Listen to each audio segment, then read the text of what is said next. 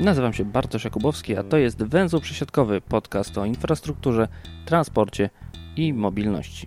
Jeżeli podoba Ci się to, co robię, lubisz słuchać tego podcastu, jest on dla Ciebie wartościowy, zapraszam do wsparcia go na patronite.pl przesiadkowy.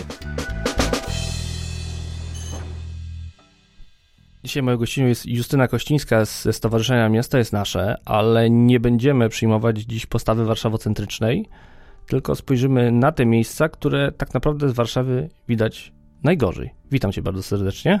Dzień dobry, cześć. To może powiedzmy wprost. Będziemy mówić o tak zwanych wewnętrznych peryferiach Polski, czyli rubieżach województwa mazowieckiego, gdzie tak naprawdę nie jeździ już praktycznie nic, a to co jeździ to jest, można powiedzieć, oferta alibi, oferta nawet już ciężko powiedzieć, że socjalna, mówimy tu oczywiście o autobusach i o wykluczeniu transportowym. E, nieco ponad tydzień temu wypuściliście raport na ten temat e, i on jest, y, można powiedzieć, dla kogoś, kto nie jest zbyt zagłębiony w ten temat, jest szokujący. Bo pokazaliście tak naprawdę takie białe plamy, to znaczy takie miejsca, w których nie jeździ kompletnie nic. Jak zebraliście te dane? Mhm. E, na początek e, muszę powiedzieć, że są takie miejsca, e, że nie ma takich miejsc, gdzie nie, nie jeździ tak kompletnie, kompletnie nic. W każdej gminie jest jakikolwiek e, kurs, natomiast e, jest bardzo dużo gmin, w którym ta liczba kursów na tysiąc osób jest mniejsza niż osiem, więc których jest bardzo, bardzo mało. I te białe plamy na, na mapach zawartych w raporcie, to, to nie, nie, są te gminy, w których nie ma nic, ale te, w których ta liczba kursów jest bardzo niewielka. No natomiast jak później, e, tutaj mamy po prostu liczbę, ale jak spojrzymy na to, jak realnie kursują PKS-y czy transport publiczny, to e, w większości gmin nie ma e, połączeń kolejowych. Poza tym te połączenia, które już istnieją, te już nieliczne połączenia wyjściowo, kursują przeważnie w, w ciągu tygodnia, nie działają w weekendy albo wygasają w trakcie wakacji. Więc e, mimo, że liczby mogą mówić nam trochę co innego, czyli że jakiś tam kurs jest, no to de facto później jak się, się na to spojrzy, to ta oferta jest bardzo, bardzo uboga. Tak, natomiast to, co mnie uderzyło najbardziej, to jest to, że pokazaliście, co się dzieje po godzinie 15. Po godzinie 15 okazuje się, że na peryferiach województwa mazowieckiego no, można powiedzieć, zwija, zwijają, tak jak kiedyś się mówiło, że zwijają tory, można powiedzieć, że zwijają drogi, znikają przystanki autobusowe, bo tak naprawdę przestaje cokolwiek jeździć. E, tak, e, faktycznie, no tutaj już jest sytuacja dużo gorsza, bo to, co przed chwilą powiedziałam, to faktycznie dotyczy ogólnie częstotliwości tras. No, jak już spojrzymy na te późniejsze godziny, no to jest już e, w niektórych gminach, tak jak e, zresztą tu już padło, w szczególności tych na obrzeżach województwa, jest po prostu bardzo źle. Poza pokazywaniem liczb, które no, czasem zdarza się, do, że do kogoś nie trafiają, albo właśnie ktoś mówi, no ale przecież coś jeździ, skupiliście się na badaniach jakościowych w trzech wybranych miejscowościach. Czy możesz powiedzieć, co to są za miejscowości i co sprawiło, że wybraliście akurat te trzy miejsca? Generalnie od początku naszym zamysłem było, może jeszcze właśnie trochę wrócę do tych danych, bo zamierzając, przymierzając się do, do zajęcia się tym tematem, zaczęliśmy się zastanawiać, jak w ogóle spojrzeć na połączenia i na problem wykluczenia transportowego w województwie mazowieckim. I okazało się, że, że to, co nas w ogóle na początku strasznie uderzyło, to, że nie ma takiej kompleksowej wyszukiwarki wszystkich połączeń, e, że są poszczególne strony internetowe, na których znajdujemy kursy, e, ale żeby to e, znaleźć w jednym spójnym miejscu, no to po prostu nie istniało. Więc zespół osób zajmujących się danymi wykonał tutaj gigantyczną robotę. Bardzo dużo zostało zessane z, z, ze strony, która nazywa się Podróżnik.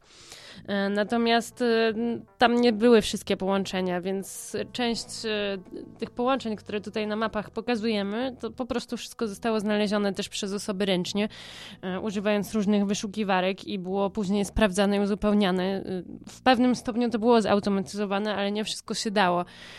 Więc to, to w ogóle jest moim zdaniem coś, co wyróżnia ten raport, jest jakieś takie dość niestety, powiedziałabym pionierskie, niestety, bo właśnie uważam, że powinny takie wyszukiwarki funkcjonować. no, nam się udało to jakoś tam zagregować i zebrać. Więc y, gro pracy tutaj zostało wykonane podczas analizy połączeń, y, ale faktycznie od samego początku naszym zamysłem było też pokazanie bardzo różnych takich e, róż, e, różnego oblicza wykluczenia e, komunikacyjnego, żeby nie skupiać się tylko na mapach, ale żeby też zobaczyć, jak tak naprawdę doświadczają tego ludzie, jak oni to postrzegają, jak w tej sytuacji funkcjonują, co jest dla nich ważne. I w tym celu pojechaliśmy do trzech miejsc, stwierdziliśmy, że porozmawiamy po prostu z mieszkańcami, zapytamy ich, co, co oni uważają.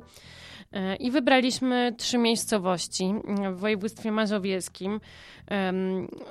One położone są w trzech różnych e, miejscach w województwie. Na północy, wschodzie, zachodzie i na południu tak żeby zdobyć jak, możliwie jak najszersze spektrum e, relacji. E, I też e, są to miasta, czy, czy nawet wsie różnej wielkości. Wśród nich znalazła się Ostrów Mazowiecka, czyli miasto powiedziałabym średniej wielkości, tam około 22 tysięcy mieszkańców mieszka. Żuromin, który ma reprezentować mniejsze miasto i Tczów, czyli wieś. To są takie miejscowości typowe dla Mazowsza, bo, bo ich jest po prostu też najwięcej liczebnie.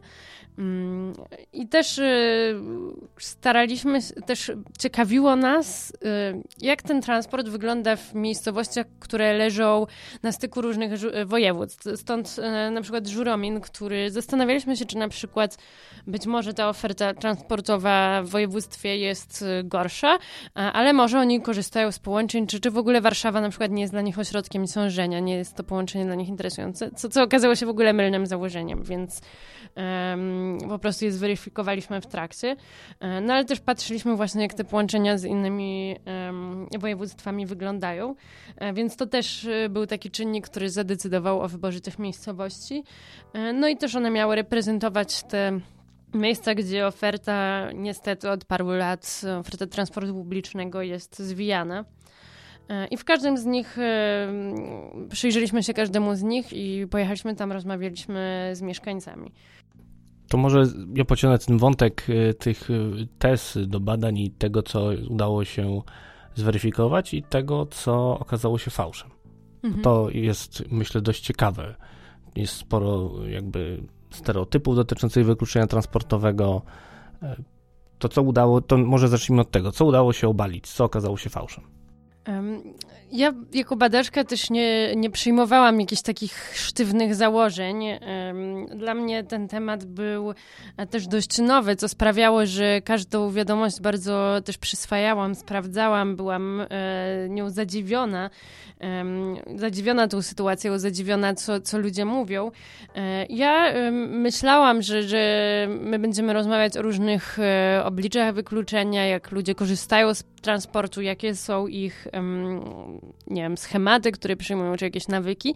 Natomiast to, co się okazało i to, co mnie uderzyło w tym zebranym materiale, co, co mnie też jakoś tam zszokowało, to to, że, że w prawie każdej rozmowie, i chyba tutaj nie będzie nadużyciem, jak właśnie to powiem, że w prawie każdej, powraca taka narracja o znikającym e, transporcie publicznym, o takiej tęsknocie, za, tęsknocie, takim sentymencie do tego, co było kiedyś, a, a tym, że na przestrzeni kilku ostatnich lat po prostu wszystko powoli znika. E, to było dla mnie uderzające. Myśleliśmy też, że to, na, na to wpływ miała pandemia, bo pojawiały się takie głosy, że pandemia pogłębia wykluczenie e, komunikacyjne i e, to też próbowaliśmy sprawdzić.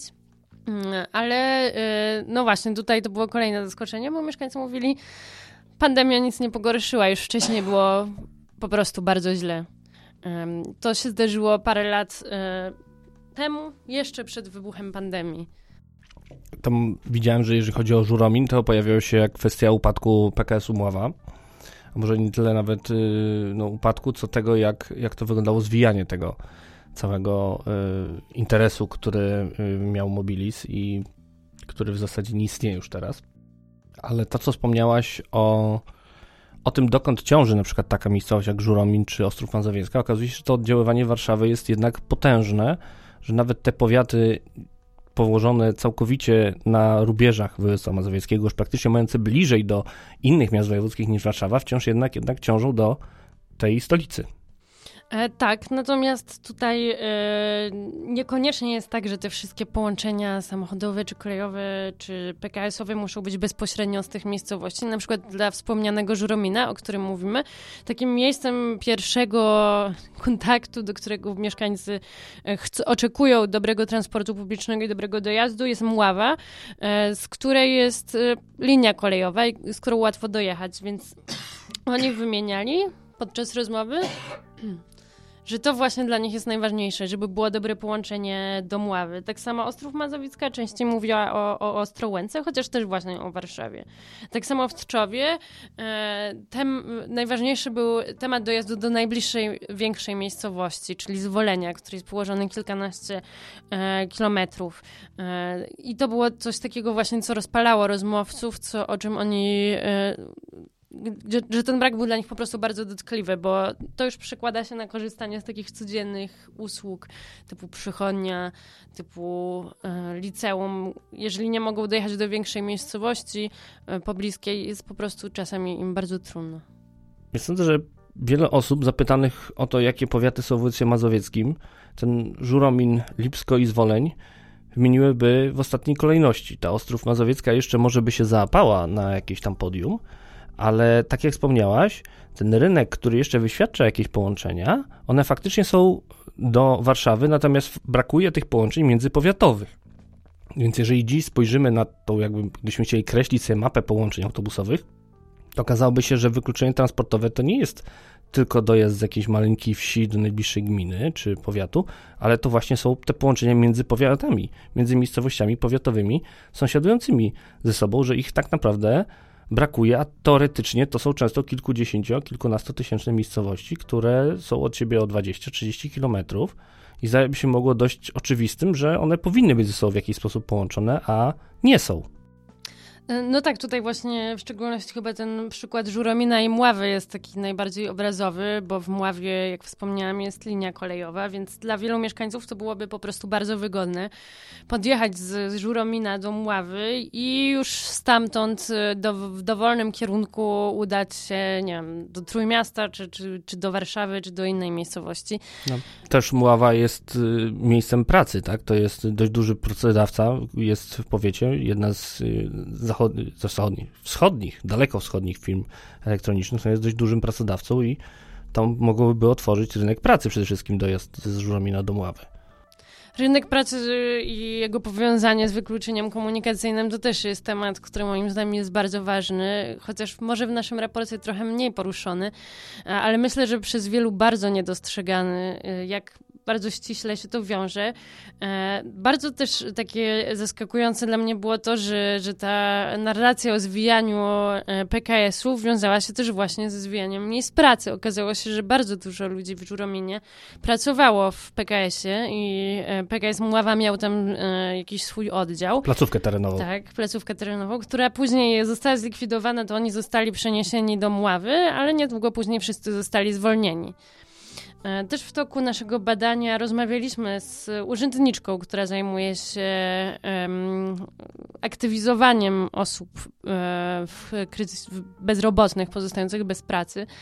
E, I usłyszeliśmy, że brak możliwości dojazdu jest jednym z najczęściej wskazywanych e, przyczyn, dlaczego te osoby nie mogły danej oferty przyjąć. E, I chociaż formalnie, ja tutaj nie jestem ekspertką od przepisów, ale wiem, że, że w pewnym momencie, jak jest kilka takich rezygnacji z pracy, to teoretycznie tam po, powinny być zablokowana możliwość, e, jeżeli pamiętam, dostawania kolejnych. Natomiast oni powiedzieli, że przymykają na to oko. Wiedzą, że po prostu ta oferta jest tak bardzo zła, komunikacyjna, że to jest realny problem, że, że ci ludzie nie mogą podjąć tej pracy. I tutaj była też taka historia przez nią przywołana, że mm, w regionie bardzo duży pracodawca miało otworzyć e, nowe miejsca pracy, bodajże 30, o ile się nie mylę. e, przyjmijmy, że 30 i oni szukali osób i 20 e, po prostu osób, e, które były idealnymi kandydatami na te stanowiska odmówiły właśnie z tego powodu, z powodu braku dojazdu, nie, nie e, innych powodów, tylko wskazują dokładnie na to.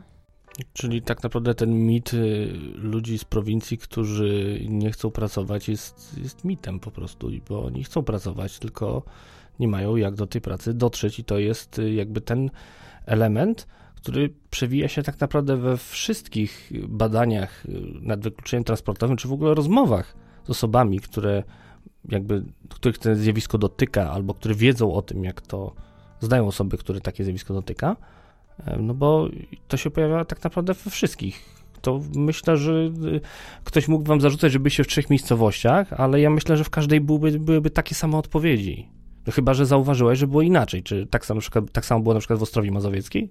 E, myślę, że te problemy są podobne, tak. tak e, to jest badanie jakościowe, więc też te miejscowości są jakimiś tam studiami przypadku, które pozwalają się przyjrze, przyjrzeć poszczególnym sprawom. Oczywiście odnoszą się do, do, tylko do tych miejscowości, te konkretne informacje, o których mówię, ale myślę, że są jakąś taką ilustracją szersze, szerszego problemu, który w województwie, a może też w innych województwach w kraju występuje, więc e, jak najbardziej myślę, że można to odnieść też do Ostrowi czy, czy do Tczowa. Oczywiście Ostrów jest nieco większą miejscowością, więc tam ten rynek pracy inaczej wygląda, no ale wszędzie też w, te miejscowości w Otulinie czy wsi, w Otulinie większych miast y, mają bardzo trudno. To może zapytam dalej. Kto jeszcze w tych rozmowach przewijał się jako ta grupa najbardziej narażona na wykluczenie transportowe albo wręcz już teraz y, dotknięta? Czy były jeszcze jakieś takie reguły, które się powtarzały? E, tak, e, ponieważ e, staraliśmy się też zróżnicować, rozmawiać z bardzo różnymi osobami reprezentującymi różne zawody w różnym wieku, to zauważyliśmy, że tymi osobami, które najczęściej mówiły o trudnościach, były osoby starsze, które albo nie posiadają prawa jazdy, albo już z jakich względów, powiedzmy, na przykład zdrowotnych, nie mogą samochodu prowadzić. E, I e, one opowiadały, że jest to dla nich po prostu strasznie dotkliwe. Dla mnie osobiście mm, taką bardzo poruszającą historią była historia kobiet e, z Tczowa, które chociaż na miejscu jest przychodnia z podstawowej opieki zdrowotnej, to jak chcą odbyć wizytę u lekarza specjalisty, muszą jechać właśnie do sąsiedniej miejscowości zwolenia. W tym momencie e, tych przejazdów do zwolenia jest bodajże jeden e, w godzinach porannych. E, natomiast też te kobiety albo o tym nie wiedziały, albo ta oferta jest e, bardzo świeża. Miały wrażenie, że w ogóle tych połączeń nie ma. Nawet nie pamiętały o tym jednym połączeniu. Dla nich e, ta sytuacja była tak trudna. Mm, I one e, opowiadały, że żeby tą wizytę u specjalisty odbyć, to one nie mają innego wyboru, muszą poprosić męża albo syna. Tam rozmawiając z nimi, tak yy, dopytywaliśmy, ale co jeśli syn albo mąż pracuje? No to faktycznie musi ją zawieźć przed pracą, zwolenia, zostawić ją i po pracy odbierać. I ta kobieta, która ma, nie wiem, o określonej godzinie na przykład poran, poran, o porannej godzinie wizytę u lekarza, później mówi, że ona albo siedzi w parku cały dzień i czeka na odbiór, albo siedzi w przychodni, no ale teraz dodaje, że w przychodni nie można siedzieć, no bo jest pandemia, więc to grozi zarażeniem. No a w parku też tak ciężko, jak jest zimno. No ale jakoś radzić sobie trzeba. E, a jak zapytaliśmy, czy jest jakakolwiek inna możliwość, e, żeby nie wiem, jakoś inaczej dojechać, jakoś sobie poradzić, no to tak, jest jedna możliwość, czyli mąż czy, czy syn musi wziąć wolne z pracy. Więc y, dla nas w Warszawie, z punktu widzenia Warszawy, no myślę, że ta historia y, jest czymś, czego po prostu sobie nie wyobrażamy w takim codziennym funkcjonowaniu.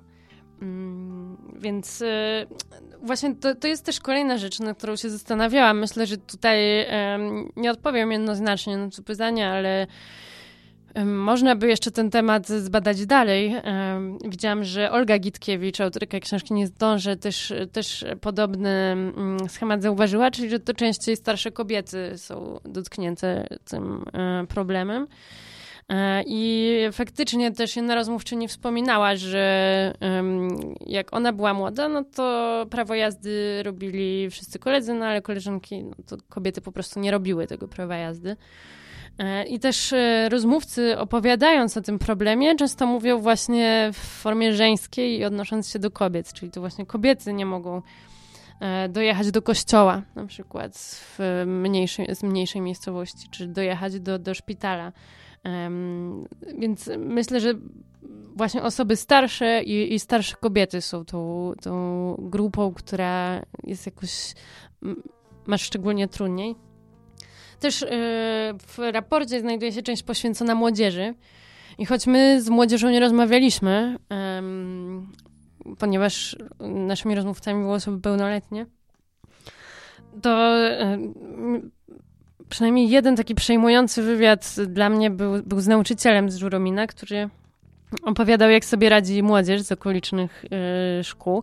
No i tutaj faktycznie w samym Żurominie to całkiem nieźle działa, bo ci uczniowie, którzy mieszkają w mieście, mogą nawet dojść do szkół na piechotę. To tutaj w najgorszej położeniu są ci uczniowie, którzy dojeżdżają z, ze wsi z Otuliny, y, Żuromina. Mm, I choć te dojazdy są, przed, przed zajęciami, przed lekcjami i później z powrotem, no to one są w jakichś tam określonych y, godzinach. Nie obejmują na przykład zajęć pozalekcyjnych. I ten pan opowiadał, że, że on znał uczniów, którzy wieczorem po, po, chcieli bardzo zostać na zajęciach pozalekcyjnych, bardzo ambitne młode osoby, które chcą zdobywać wiedzę. No i dla nich jedynym rozwiązaniem było wracać pieszo po 5-10 kilometrów do domu i że, że takie sytuacje też się zdarzają. Czy czuję teraz pewien, pewną przykrość, jest taki żal wobec słuchaczy, którzy zajmują się i wiedzą już co nieco na temat tematu wykluczenia transportowego, ponieważ oni domyślam się, że teraz się kompletnie zanudzili, słysząc kolejny raz tak naprawdę te same problemy. No ale teraz powstaje ważne pytanie. No skoro od kilku lat wałkujemy tak naprawdę ten sam temat, e, ciągle mówimy o tych samych problemach, o problemach z dojazdem do pracy, z dostępem do rynku pracy, z problemami z dojazdem do szkół dla młodzieży, z problemami e, starszych osób, głównie kobiet, bo one żyją dłużej, e, ale też nie mają prawa jazdy częściej. Choć co ciekawe, w najmłodszym pokoleniu już teraz kobiety młode częściej robią prawo jazdy niż mężczyźni, to jest też ciekawostka. Natomiast jednak ten, ta nierówność w najstarszych pokoleniach jest dużo większa na no, niekorzyść kobiet jednak. I skoro ciągle powtarzamy te same problemy, te same wzorce pojawiają się nam w każdym miejscu, gdzie pojedziemy badać wykluczenie transportowe, rozmawiać z ludźmi na ten temat, po prostu poruszając ten temat z nimi, no to dlaczego nie ma rozwiązań? Tak, to prawda. Nawet zapoznając się z literaturą już istniejącymi badaniami, widziałam, że już to zostało powiedziane na różnych, różnych przykładach z całego kraju. E, ale jak widać, e, nadal ten problem istnieje i, i wręcz mam wrażenie, że nie tyle nie ma rozwiązań, tylko on się po prostu pogłębia, no bo tak jak już powiedziałam, likwidowane są kolejne połączenia, a jakoś nowych nie przybywa. No tak, ale ktoś mógł powiedzieć, no zaraz, przecież mieszkamy w najbogatszym województwie w Polsce, z największym budżetem, z fantastycznymi kolejami mazowieckimi, które niektórzy stawiają za wzór, ja nie. No to dlaczego tych połączeń nie ma? Przecież teoretycznie rozmawiamy właśnie o tym, że brakuje połączeń między powiatami, a to jest domena marszałka województwa. Dlaczego tego wciąż nie ma? Przecież nawet mamy Fundusz Rozwoju Połączeń Autobusowych. Może spotkaliście się z jakimś, nie wiem, e, z jakimiś aktywistami, nazwijmy to lokalnymi, albo liderami społeczności, którzy by wskazywali, że próbowali podejmować ten temat z jakimiś w jakichś rozmowach e, z władzą lokalną. Albo sami pytaliście u źródła, dlaczego, dlaczego jest kompletna nieaktywność władzy w tym zakresie. Jak my um, zaczęliśmy ten temat, wywiady były robione przez cały zespół badaczy i robiliśmy takie spotkania, żeby sobie opowiedzieć o wnioskach. To te osoby, które robiły wywiady, były zszokowane, bo bardzo dużo osób w ogóle problemu. Y, na pierwszy rzut oka podczas pierwszej powierzchownej rozmowy zdawało się, że nie dostrzegają, czyli że mówią, że przecież mamy samochód. Natomiast później, jak temat się drążyło, rozmawiało dalej, to nagle faktycznie opowiadali o, o tych problemach. To, co mnie zdziwiło, to że um, rzadziej mówi się też o kolei. Na przykład w Ostrowie Mazowieckiej, której kolej istniała, ona została zlikwidowana już bardzo dawno temu. W zasadzie w rozmowach nikt o tym nie wspomniał, oprócz jednej osoby. Faktycznie ta osoba opowiadała o próbach, o, o tym, jakie ona na własną rękę, niezrzeszona, podejmuje próby um, przywrócenia um, kolei też w sąsiednich miejscowościach. E, ale z tego, co wspominała, idzie to bardzo, bardzo ciężko. Nie rozmawialiśmy z decydentami, więc nie jestem w stanie odpowiedzieć na pytanie, jak z ich perspektywy to wygląda. Natomiast y, mieszkańcy w rozmowach mówili nam, że często są zbywani takimi słowami, że przecież bardzo mało osób jeździło, więc w zasadzie przecież te połączenia nie są potrzebne. No i też myślę, że dużo osób E, du dużo decydentów wciąż myśli, że takim rozwiązaniem jest samochód dla wielu osób. Natomiast w tym raporcie staraliśmy się pokazać, że niekoniecznie tak jest, bo niektóre osoby po prostu nie mają możliwości też prowadzenia. Pytanie, czy też chcą, bo jakby ja jestem zwolennikiem tezy, że Polacy lubią korzystać z transportu publicznego i tak naprawdę, kiedy ta oferta jest, to nie lubią z niej korzystać, z niej korzystają, i to wchodzi w krew zupełnie, jakby naturalnie, albo wręcz pozostaje jeszcze ta historia, że kiedyś było, jest, więc korzystam. Póki jest dobrze, to korzystam, a czasami jeszcze pozostaje taki resentyment. To znaczy, że na przykład ludzie, którzy mieli stację kolejową w swojej miejscowości, na przykład zlikwidowano te połączenia, ale one na przykład są jeszcze ciągle 15 km dalej, to nie wciąż jeszcze są skłonni pojechać samochodem, żeby tylko skorzystać z tej kolei, bo są przyzwyczajeni do niej. No i pytanie, czy mimo tego, że jakby jest chęć, jest wola korzystania, to ciągle to się odbija od ściany. Tak, tak, ja też, y, też y, skłaniam się do takiego poglądu, że jakby dobry transport publiczny był, ludzie by z niego korzystali. Zresztą oni sami wprost o tym mówili. E, to jest kwestia też tego, że dla wielu prowadzenie samochodów jest uciążliwe, jest ciężkie, jest trudną pracą. Więc jeżeli ktoś codziennie musi godzinę czy dwie rano dojeżdżać tak długo samochodem, to jest po prostu zmęczony.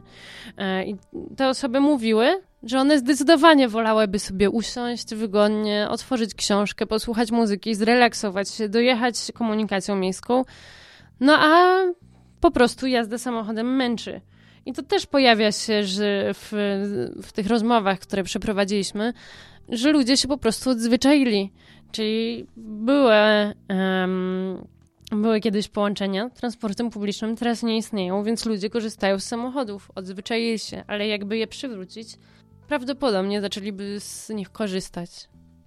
Zbliżając się do końca, to nie sposób y, zwrócić uwagę na y, ten moment promocyjny, kiedy wypuszczaliście raport, y, robiąc jakby taką zajawkę czegoś, co nazwaliście Mazowsza Express, czyli dwa zespoły wyruszyły z Mrozów do Warszawy, jeden zespół samochodem, drugi pociągiem. No oczywiście z Mrozów dojechać do Warszawy, dlatego że jest kolej jest dość łatwo i przyjemnie. Natomiast y, zapowiadaliście kolejne odcinki. To ujawnicie, kiedy doczekamy się kolejnego wyścigu i czy tym razem będzie on z, choćby z próbą skorzystania z transportu publicznego inny niż kolejowy? E, tak, no właśnie ten wyścig był tak skonstruowany, bo chcieliśmy pokazać inną rzecz niż w raporcie, czyli to, że jeśli ten, e, to połączenia kolejowe są i są dobre, dojeżdża się szybciej, no to faktycznie warto z nich korzystać i ludzie będą z nich korzystali. Zresztą takie głosy też pojawiły się po po, e, po tym, jak opublikowaliśmy właśnie informacje o tym w mediach, samochodem wyszło dłużej. E, więc faktycznie kolej, e, dobra, dobrze funkcjonująca kolej jest tutaj bardzo wygodna, jest priorytetem. Co do kolejnych odcinków, no tutaj nie chcę też zdradzać, ale myślę, że wszystko w swoim czasie, jak będą, to na pewno pojawi się o tym informacja na wszystkich mediach społecznościowych Miasto jest Nasze. Zachęcam w takim razie do śledzenia. No i cóż, niestety można powiedzieć, że jest to rozmowa niedokończona, jak rodem z jednego bardzo popularnego radia. Ponieważ no jakby kończymy bez wniosków niestety, co, co dalej tak naprawdę z tym tematem. Natomiast na pewno temat wykluczenia transportowego będzie wracał. Bardzo dziękuję Ci za rozmowę. Justyna Kościńska, Miasto jest Nasze. Bardzo dziękuję. Serdecznie zapraszam do zapoznania się z raportem, który przygotowała Miasto jest Nasze. Link znajdziecie w opisie odcinka. Możecie też dać znać w komentarzach w social mediach, jak w Waszej miejscowości wygląda problem wykluczenia transportowego pomiędzy trzecią i w trakcie nadchodzącej czwartej fali pandemii, a może było już e, lepiej, a może było gorzej, może wręcz przeciwnie, Wasz samorząd zainteresował się tematem. Dajcie znać, jak to u Was wygląda. Serdecznie dziękuję wszystkim patronom podcastu, a w szczególności tym, którzy korzystają z biletów okresowych. A są to Paweł Zagartowski, Tomasz Tarasiuk, Andrzej Kaszpir-Kaźmirowski, Monika Stankiewicz, Paweł Łapiński, Peter Jancowicz, Janka, Jerzy Mackiewicz, Jakub Kucharczuk, Michał Cichosz, Piero, Łukasz Filipczak, Filip Lachert, Jacek Szczepaniak, Jurek Gozdek, Kuba Czajkowski, Piotr Rachwalski, Grzegorz Mankenik, Jakub Bordziński, Jakub Madrias, Paulina Matysiak, MP, Michał Jankowski, Jakub Kudzik i Rafał Pierzchała. Jeżeli chcecie dołączyć do grona tych właśnie osób, zapraszam Was na patronite.pl przesiadkowy. Na dziś to już wszystko. Do usłyszenia.